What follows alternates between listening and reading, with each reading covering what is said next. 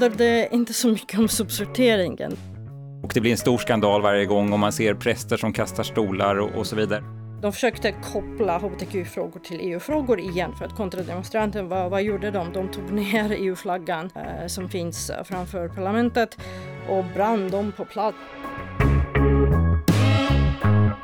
Välkommen till Frihet från förtryck, en podd om demokratiaktivism. Idag ska vi prata om Georgien.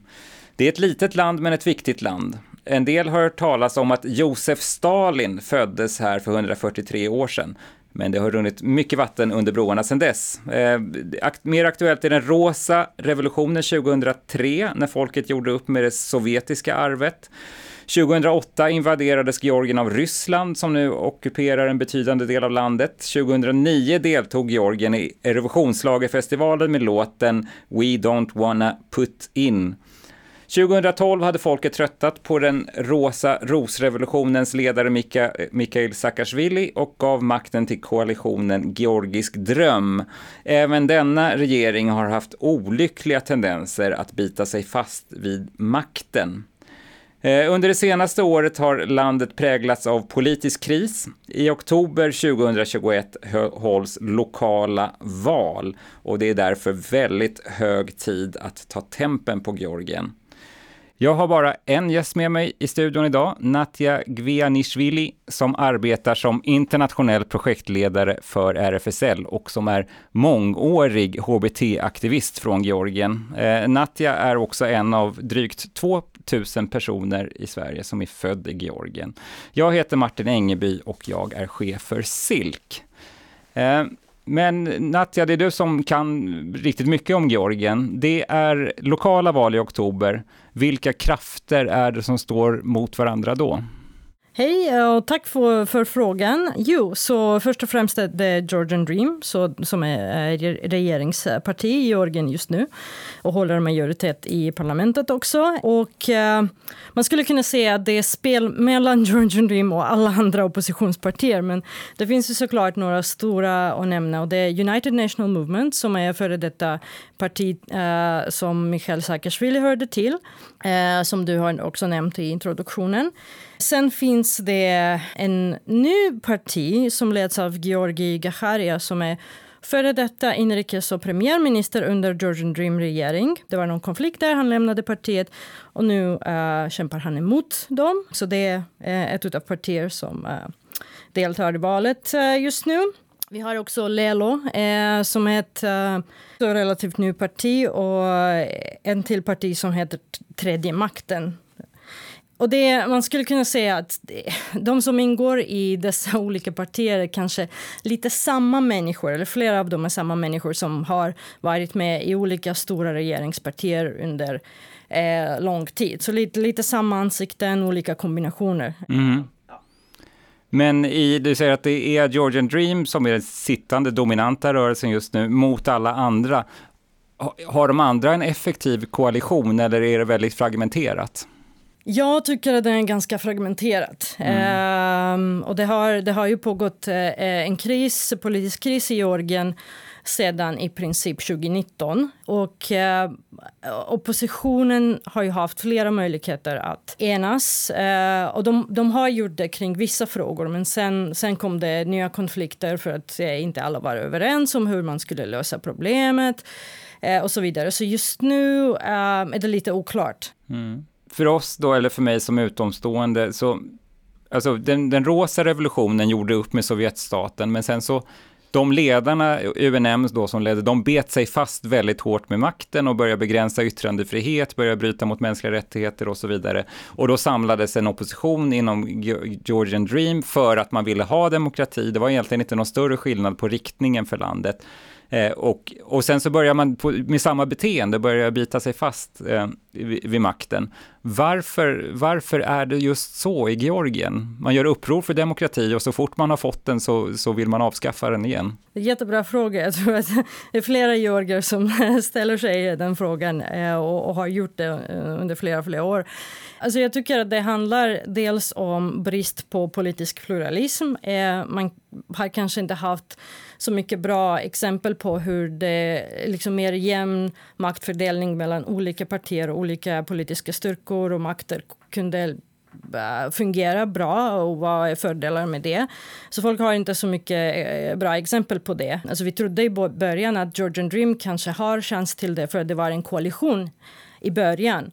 Men eh, det visade sig ganska snart att just partiet Georgian Dream, Georgisk dröm, var den ledande styrkan där och eh, hamnade i konflikt med alla andra och i princip gick till valet ensam och sen var en majoritet eh, i riksdagen. Dessutom så brukar folk rösta ändå för en, ett parti, en ledare. Det är kanske någon, någonting som vi har ärvt från Sovjettiden, mm. eh, att det finns en typ styrka, en makt, en rörelse som kan rädda Georgien från olika saker. Mm. så att säga. Så det är dels det. Um, sen tycker jag att Uh, folk är kanske lite, har lite misstro för, och, och litar inte så mycket på politiker som har varit med i olika tidigare regeringar, har kanske inte erkänt sina misstag. Mm. Så det, det, finns det också. Dels uh, finns det också klyftor mellan partipolitiken och intressen och uh, behoven av väljare. Um, så till exempel om man ser val 2020 eh, prioriterade eh, väljarna eh, ekonomiska och sociala frågor som arbetslösheten, vården, eh, stigande priser och så. Mm. Men valet för partierna handlade om helt annan sak. Så Georgian Dream fortsatte att eh, försöka skrämma väljarna uh, med att ja, Saakashvili vill ha makten tillbaka, vi ska absolut inte låta det här hända. Och sen oppositionspartier uh, fortsatte att eh, peka på att ja, Georgian Dream är representerar den ryska makten i Georgien och liksom pekar på allt de gör fel. Så det finns den liksom klyftan. Och det var faktiskt NDI, alltså National Democratic Institute, den amerikanska organisationen, de gjorde en undersökning som visade att dels visade den prioriteringar som väljarna hade och dels det att eh, 59 procent av 88 som ville gå och rösta för någon eh, var väldigt, eh, hade ingen aning vem som röstade för. Mm. Så det är ett väldigt stort eh, problem. Och sen ett par grejer till. Dels finns det stora politisk, eh, finansiella intressen för politiker att sitta i regeringen och ha makt. Mm. Valresultat 2020, igen. Utav 150 riksdagsledamöter så uh, har, har Georgien 23 som är miljonärer. Mm. Så det finns väldigt stora eh, såna här finansiella incentiver uh, uh, i, i, att kontrollera makten, kontrollera vilka reformer som uh, förs igenom. Mm. så det är en viktig grej. Och sen blir det till en ond cirkel. Uh, ju mer man sitter ensam och har majoritet och kan uh, faktiskt liksom fatta olika beslut utan att ha uh, stor motstånd desto lättare det blir att bortförklara och tillbakavisa kritiken och till och med låtsas att ingenting händer. Liksom. Man blir kritiserad. Nej, vad snackar ni om? Allt är som det ska. Mm. Och det är det som vi ser om och om igen. Låt mig fråga det här. När man nu har lokalval, vad pratar man om då? Alltså, går partierna, håller man fortfarande på och pratar om de här stora frågorna eller säger man att nu måste vi eh, fixa sopsorteringen i, i våran stad? Tyvärr handlar det inte så mycket om sopsorteringen. Det fortsätter att handla, vad jag har läst i alla fall. Eh, sen eh, bor jag här i Sverige och det är liksom, jag har tillgång bara till det jag läser och hör eh, genom olika mediekanaler i Georgien. Men det, det, det verkar ha, handla om samma eh, konflikter mellan specifika partier. Mm. Eh, det handlar lite mer om covid-19 och vaccineringen mm. och ekonomin. Men det ändå eh, går ner till, eh, ja, Georgian Dream är dåliga, United National Movement är dåliga och så vidare. Så, så det handlar om rikspolitiken ja, mer än något annat? Ja, och det är underviktigt. Så är det, man tänker att när det är skilda valdagar så ska det finnas större utrymme för att prata lokala frågor, men det är kanske oundvikligt ändå eh, att det speglar av sig. I Sverige är det ganska hopplöst för att där är det ju rikspolitiken som, som avgör eftersom man har samma valdag. Men Båda de här koalitionerna, den tidigare och, och den nuvarande, säger sig vara för europeisk integration och, och som land så tycker man inte om att vara, ha delar av landet ockuperade av Ryssland. Hur västorienterat är Georgien på riktigt? Alltså hur, hur västorienterad känner sig människor i, i gemen? Längtar de till Europa eller är det mer att man är anti-Ryssland? Eller hur, hur är liksom den europeiska identiteten i Georgien? Jag tycker att folk längtar, framför allt efter eh, stabilitet och ekonomisk tillväxt och, och välmående mm. i olika delar av sitt liv. Sen eh, visar ju undersökningar också, bland annat eh, det som NDI forskade i, eh, att det, det, finns ganska stadig stöd för EU-integrationen och även för eh, NATO-integrationen för mm. Georgien. Så det var typ 82 procent för EU, 74 för, eh, för Nato. Och så. Mm. Eh, ryska faktorn kan, spelar såklart väldigt stor roll här. Men jag tycker också att när, när frågan ställs så hänvisar vi eh, ibland till de typ, konservativa politiker, kanske kyrkan också, som brukar sprida olika myter om eh, EU och liksom vad integrationen skulle föra med. Och det representerar inte nödvändigtvis eh, det folk tycker. Sen finns det en, en, en till sak. Man ska ju också förstå eller veta vad eh, innebär det europeiska paketet i samband med eh, sociala frågor, ekonomiska frågor, eh, politiska frågor, demokrati och så vidare. Man ska verkligen förstå vilka fördelar det finns med det här. Och jag tycker verkligen att georgiska regeringen har brustit väldigt mycket i att informera människor om mm. det här. Så när vi pratar till exempel om värderingar och värderingssystem, om diskriminering och så vidare, så det, det brukar vara en väldigt stor fråga. Mm. Uh, när vi pratar EU versus Ryssland och traditionella versus uh, mm. typ västerländska uh, värderingar eller mm. vad, vad det nu he heter på svenska. Så en väldigt sån konstgjord opposition tycker jag. Det, liksom, det brukar handla om värderingar och det är väldigt svårt för människor att komma överens om värderingar om inte eh, politiker, kyrkan, medier, utbildningssystemet bidrar till det. Mm. Om inte man verkligen kommer ut och ser att våldet är dåligt oavsett vad. Mm. Och så vidare. Så det är, en, det, är det det handlar också om. Men jag, jag tycker ändå att georgier är mer EU och västorienterade än man kanske ibland tror. Ja, för att det är så, och nu kommer vi in på de frågor som du har jobbat med, som är HBT Q-frågorna och de verkar ju vara väldigt politiskt heta i Georgien, för jag vet att man har ju gjort det har ju varit väldigt mycket motdemonstrationer, men det betyder ju att det har funnits demonstrationer i flera år i rad och det blir en stor skandal varje gång och man ser präster som kastar stolar och, och så vidare. Och i, i somras gick det så långt så att eh, en, en journalist eh, omkom i samband med demonstrationerna. Jag tror i, i Sverige känner vi också till den svensk-georgiska filmen, svensk filmen And then we dance som handlar om georgiska dansare där samkönade råkar eh, bli kära i varandra. Det har funnits konflikter runt det här i, i, i flera år. Betyder det att, att landet står och väger ändå mellan modernism och, eh, och traditionella värderingar? Eller är det här en randföreteelse?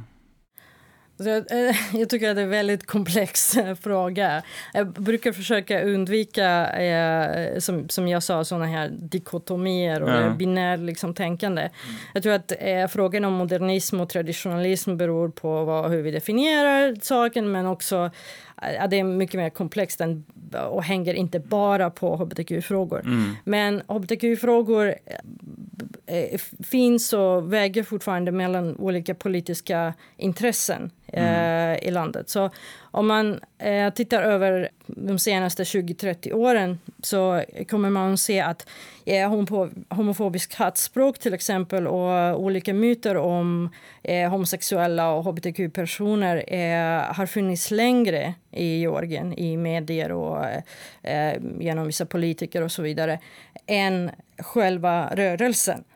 Så man börjar uh, läsa om homosexualitet som något uh, avvikelse i, i medier redan 98. Mm. Och sen fortsätter uh, det med att vi börjar se myten om den så kallade homosexuella konspirationen mm. mellan 98 och 2003. Mm. och det har med maktfördelningen att göra och den kommande rosrevolutionen också. Sen är det Så lite redan, redan då sa man att det här var liksom bög, bögiga västerländska precis, idéer? Ja, precis, precis. så det, det är så ja. det kommer till. Sen, ja. sen är det lugnt i ett par år och sen Eh, med nya politiska kriser, eh, var det, 2006, 2007 och vidare fortsätter det här. Det kommer upp igen och igen. Mm. Så eh, konservativa politiker, politiker som, eh, och kyrkan också, eh, ganska ofta, georgiska ortodoxa kyrkan som är en av de starkaste institutioner i Georgien och rikaste. Mm. De fortsätter att reproducera den myten av att ja, men eh, Saakashvili och hans parti står för samkönade äktenskap och att liksom, eh, vi ska alla liksom dö ut för att alla ska bli bögar. Alltså, jag citerar lite mm, grann. Mm. Um, så jag tror att det, det, och det fortsätter till och med idag. Uh, Georgian Dream han, har använt den taktiken uh, och andra partier har också använt den taktiken. Mm det gör det väldigt svårt för hbtqi-rörelsen och aktivister att jobba och prata med människor om att ja, vi är vanliga människor, vi har samma problem, samma sociala och ekonomiska problem som alla andra. Eh, för att det, det här, det, det hela börjar handla om politiken, om partipolitiken. Eh, precis. Ja, just det. Och bakar man ihop då HBT-frågorna med allmänna europeiska frågor, då blir det nästan så att om man är traditionellt lagd så måste man vara anti-Europa för att man är, för att man är traditionellt lagd så att säga. Alltså det, det känns som att det är olyckligt. Är kyrkan mot europeisk integration eller är de bara mot HBT? Eh, eh, jag? Att, jag tycker att kyrkan är mot allt som utgör någon slags hot mot deras status quo och makt i landet, mm. tyvärr. Mm. Så den har blivit ytterst politiskt och finansiellt organis finansiell organisation mm. och institution uh, som behöver verkligen hålla makten för att kunna ha pengar och inflytande.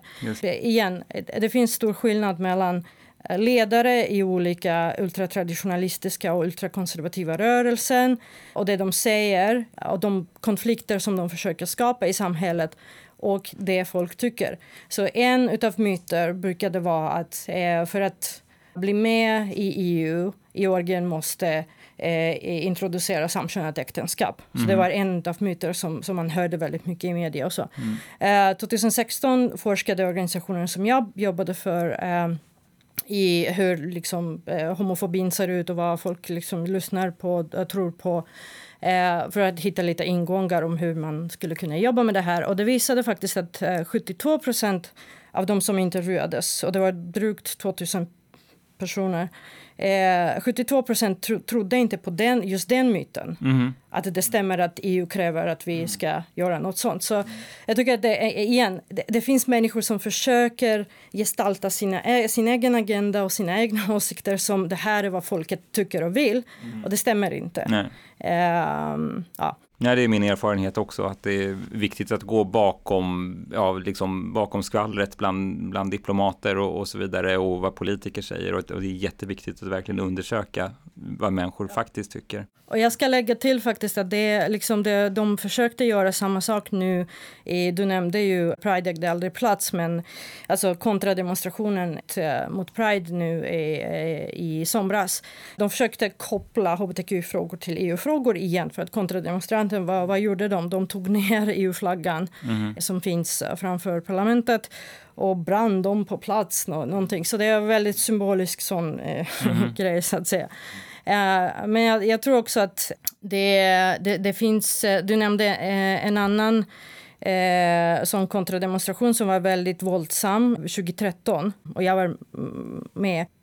Om man tittar på den händelsen och också vad som hände i juli, man kommer att se det politiska i det också. För att 2013 var det mest kyrkan som försökte testa vad den nya regeringen skulle göra. Om de kunde eh, faktiskt visa sin makt och komma överens med regeringen eh, om det här. Eh, och det var väldigt mycket folk som kom ut just för att kyrkan var väldigt aktiv i att organisera att ja, nu måste vi rädda Georgien och liksom kom ut och be med oss och så vidare. Och sen spårade det ur eh, såklart och flera blev skadade. Eh, nu i juli var det färre som kom ut, men de var bättre organiserade. Alltså, det handlade verkligen om väldigt bra organiserade högerextrema grupper som visste vad de uh, höll på, på med. Mm, mm. Pride-marschen ställdes ju in, mm. men de, de bara alltså, gick runt in i stan och misshandlade journalister och polisen gjorde ingenting. Mm. Eh, om det inte är politisk liksom, mm. händelse, vad, vad är det, eh, då? Och, och Europa är man ju då hela tiden orolig för att alla sådana krafter är egentligen proryska. Är det så med de här grupperna också? Att det finns någon slags prorysk agenda att vända sig bort från Europa och, och mot Ryssland? Det finns några ledare till, till olika högerextrema grupper som har varit kopplade till, till Ryssland och de använder sig också av äh, messagebox så att säga som, som används av olika ryska aktörer Sen finns det också eh, kanske lite ryska pengar där. Eh, men det, det, brukar vara ganska svårt att bevisa eh, i vissa fall. Men det finns olika misstankar, eh, misstankar där. Dels handlar det om det, men sen... Eh, jag tycker att det är viktigt att man börjar förstå eh, att det finns igen skillnad mellan ledare som kanske får betalt och driver väldigt specifik agenda och de som kanske frivilligt väljer att gå in mm. i de organisationerna och de grupperna. Varför gör folk så? Liksom, vad mm. är det för frustration som man har? Mm. Var, liksom, var kommer ilskan ifrån? Mm. Eh, varför behöver man såna här lättsmälta koncept att eh, få kanalisera eh, sin egen frustration och så vidare? Och det, där har vi inte haft så, så många diskussioner som samhället. Jag mm. tror att det brukar överförenklas genom att bara peka uh, åt Ryssland. Mm. Um, så jag tror att det är lite mer komplicerat än så. Det finns ja, andra populismen finns ju överallt. Uh, ja. ja. Georgien är en del av EUs östliga partnerskap som drogs igång av Carl Bildt och uh, Sikorski i Polen för mer än tio år sedan nu. Finns det någon energi i det här partnerskapet eller borde Europa egentligen intressera eller liksom på något sätt lägga om eller göra om eller väcka upp eller liksom borde Europa göra ett, ett omtag vad gäller relationerna till Georgien och det östliga partnerskapet? Jag tycker att det finns eh, energi i, mm. i, i partnerskapet. Eh, särskilt eh, med tanke på länder som har eh, mer proeuropeiska ambitioner som Moldavien, Georgien, eh, Ukraina. Och nu tycker jag att det blir också eh, bra plattform för eh, Armenien också med nya regeringen mm. och omvalet av, mm. av Pasjinjans regering. Så det är bra plattform för utbyte och samarbete och så. Men eh, saken kompliceras ju såklart av eh, händelser i Belarus och eh, i följden av kriget mellan Armenien och Azerbajdzjan. Eh, mm. Så jag, jag, tror att det, det, kommer att behövas mycket arbete av, eh, från alla olika parter som, som är involverade i det här för att fatta mm. hur man gör det här till ett mer effektivt struktur. Ja. Men när man tittar på EU partnerskapet så inser man att det, det, finns en massa förhandlingsprotokoll och steg och så vidare och det där liksom mal på med en massa byråkrater hela tiden så det går ju framåt så länge det inte går bakåt. Så man får ha lite tålamod helt enkelt. Och det har man. Ja. Eh, men sen tycker jag också att, eh, och, och, och, jag vet att det är flera inom civilsamhället som har lyft den frågan att eh, man kanske ska fundera på hur man gör eh, just den strukturen lite mer effektiv och lite mer vänlig när det kommer till just civilsamhälle och eh, involvering och liksom tillgång av mm. civilsamhället till politiker. Ja. Eh, så det, det, är en stor, eh, stor fråga som eh, man hoppas ju såklart att vi får lösning på. Ja, någonting som, som vi tycker är ju att man har regeringar och man har civilsamhälle och de civilsamhället kanske inte känner sig på samma fot. Men det som är opposition, de har ingen plats överhuvudtaget i det här partnerskapet och det tycker vi alltid att oppositionen måste också vara med och ha samma information. Eh, Georgien har jag märkt när jag varit där, det är lite av en donor darling ändå. Det finns ju hur många västerländska organisationer som helst, både europeiska och amerikanska, som, som jobbar där.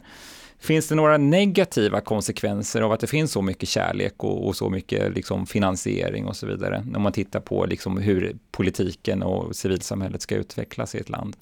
Ah, det finns kanske ett par negativa eh, effekter eh, där. Eh, dels så öppnar det upp för mm, alltså, mer politiska spekulationer just från såna här euroskeptiska och ultrakonservativa turkor i, i, i landet. Och det, ja, det har vi sett utvecklas eh, under flera år.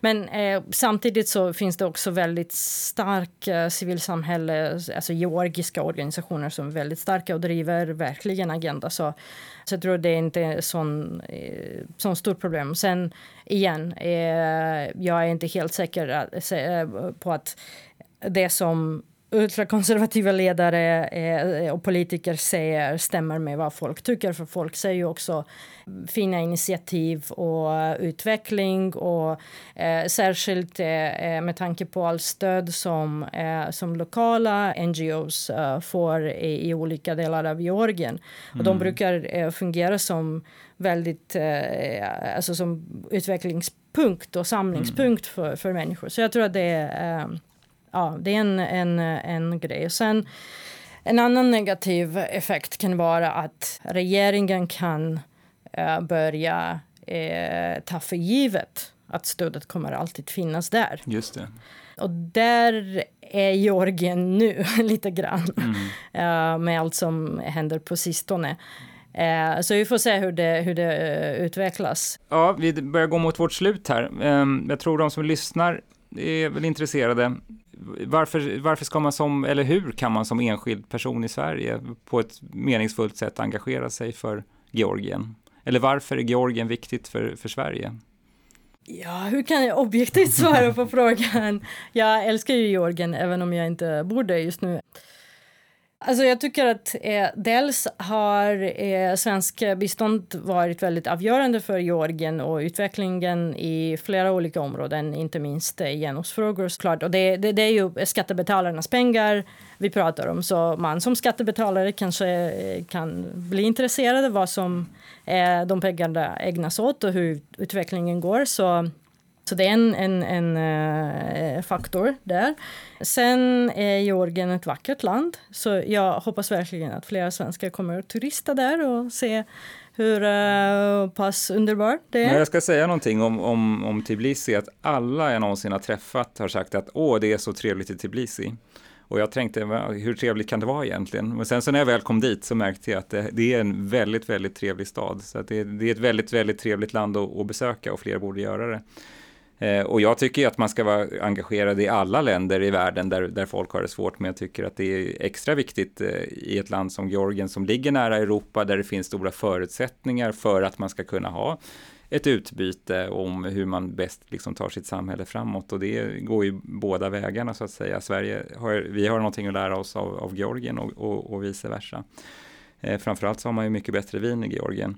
Ja, vad, vad, vad, vad, saknar du mest när du tänker på Georgien, förutom din familj och dina vänner? och så mycket. Uh, alltså jag, jag, tror att jag saknar mest det, det, det handlar delvis om, om, om vänner och familj, men det det är spontana sociala eh, sammankomster. Mm -hmm. Det är lite för planerat här i Sverige för min smak. Så, eh, så man, man behöver inte boka i två, tre veckors eh, tid för att kunna mm gå ut och ha eh, ja, öl eller eh, icke-alkoholisk öl. Eh, Men vi kan ta en öl, öl direkt nu efter, efter podden. Okej, okay. så, så, ja. så kan du känna dig så som väldigt hemma. spontant. Det är ja. spontana, eh, naturen eh, och berg. Mm. Berg är någonting som jag saknar väldigt mycket. Tack för att du var med. Eh, och du som lyssnar, du har lyssnat på Frihet från förtryck, en podd om demokratiaktivism och biståndspolitik. Vi är SILK, Svenskt internationellt liberalt centrum, eh, och vi arbetar med demokratibistånd, fria val och utvecklingsdebatt. Den här podden har finansierat av stiftelsen Karl Staffs fond för frisinnade ändamål och av dig som är skattebetalare, vars pengar har insamlats av Skatteverket, utdelats av regeringen till Sida, vidare till organisation som heter Forum SIV som i sin tur har tecknat projektfinansieringsavtal med SILK. Klippning Max Valentin. Eh, följ oss på Facebook, hitta fler avsnitt på silk.se podd. Och kom ihåg, utan demokrater blir det ingen demokrati.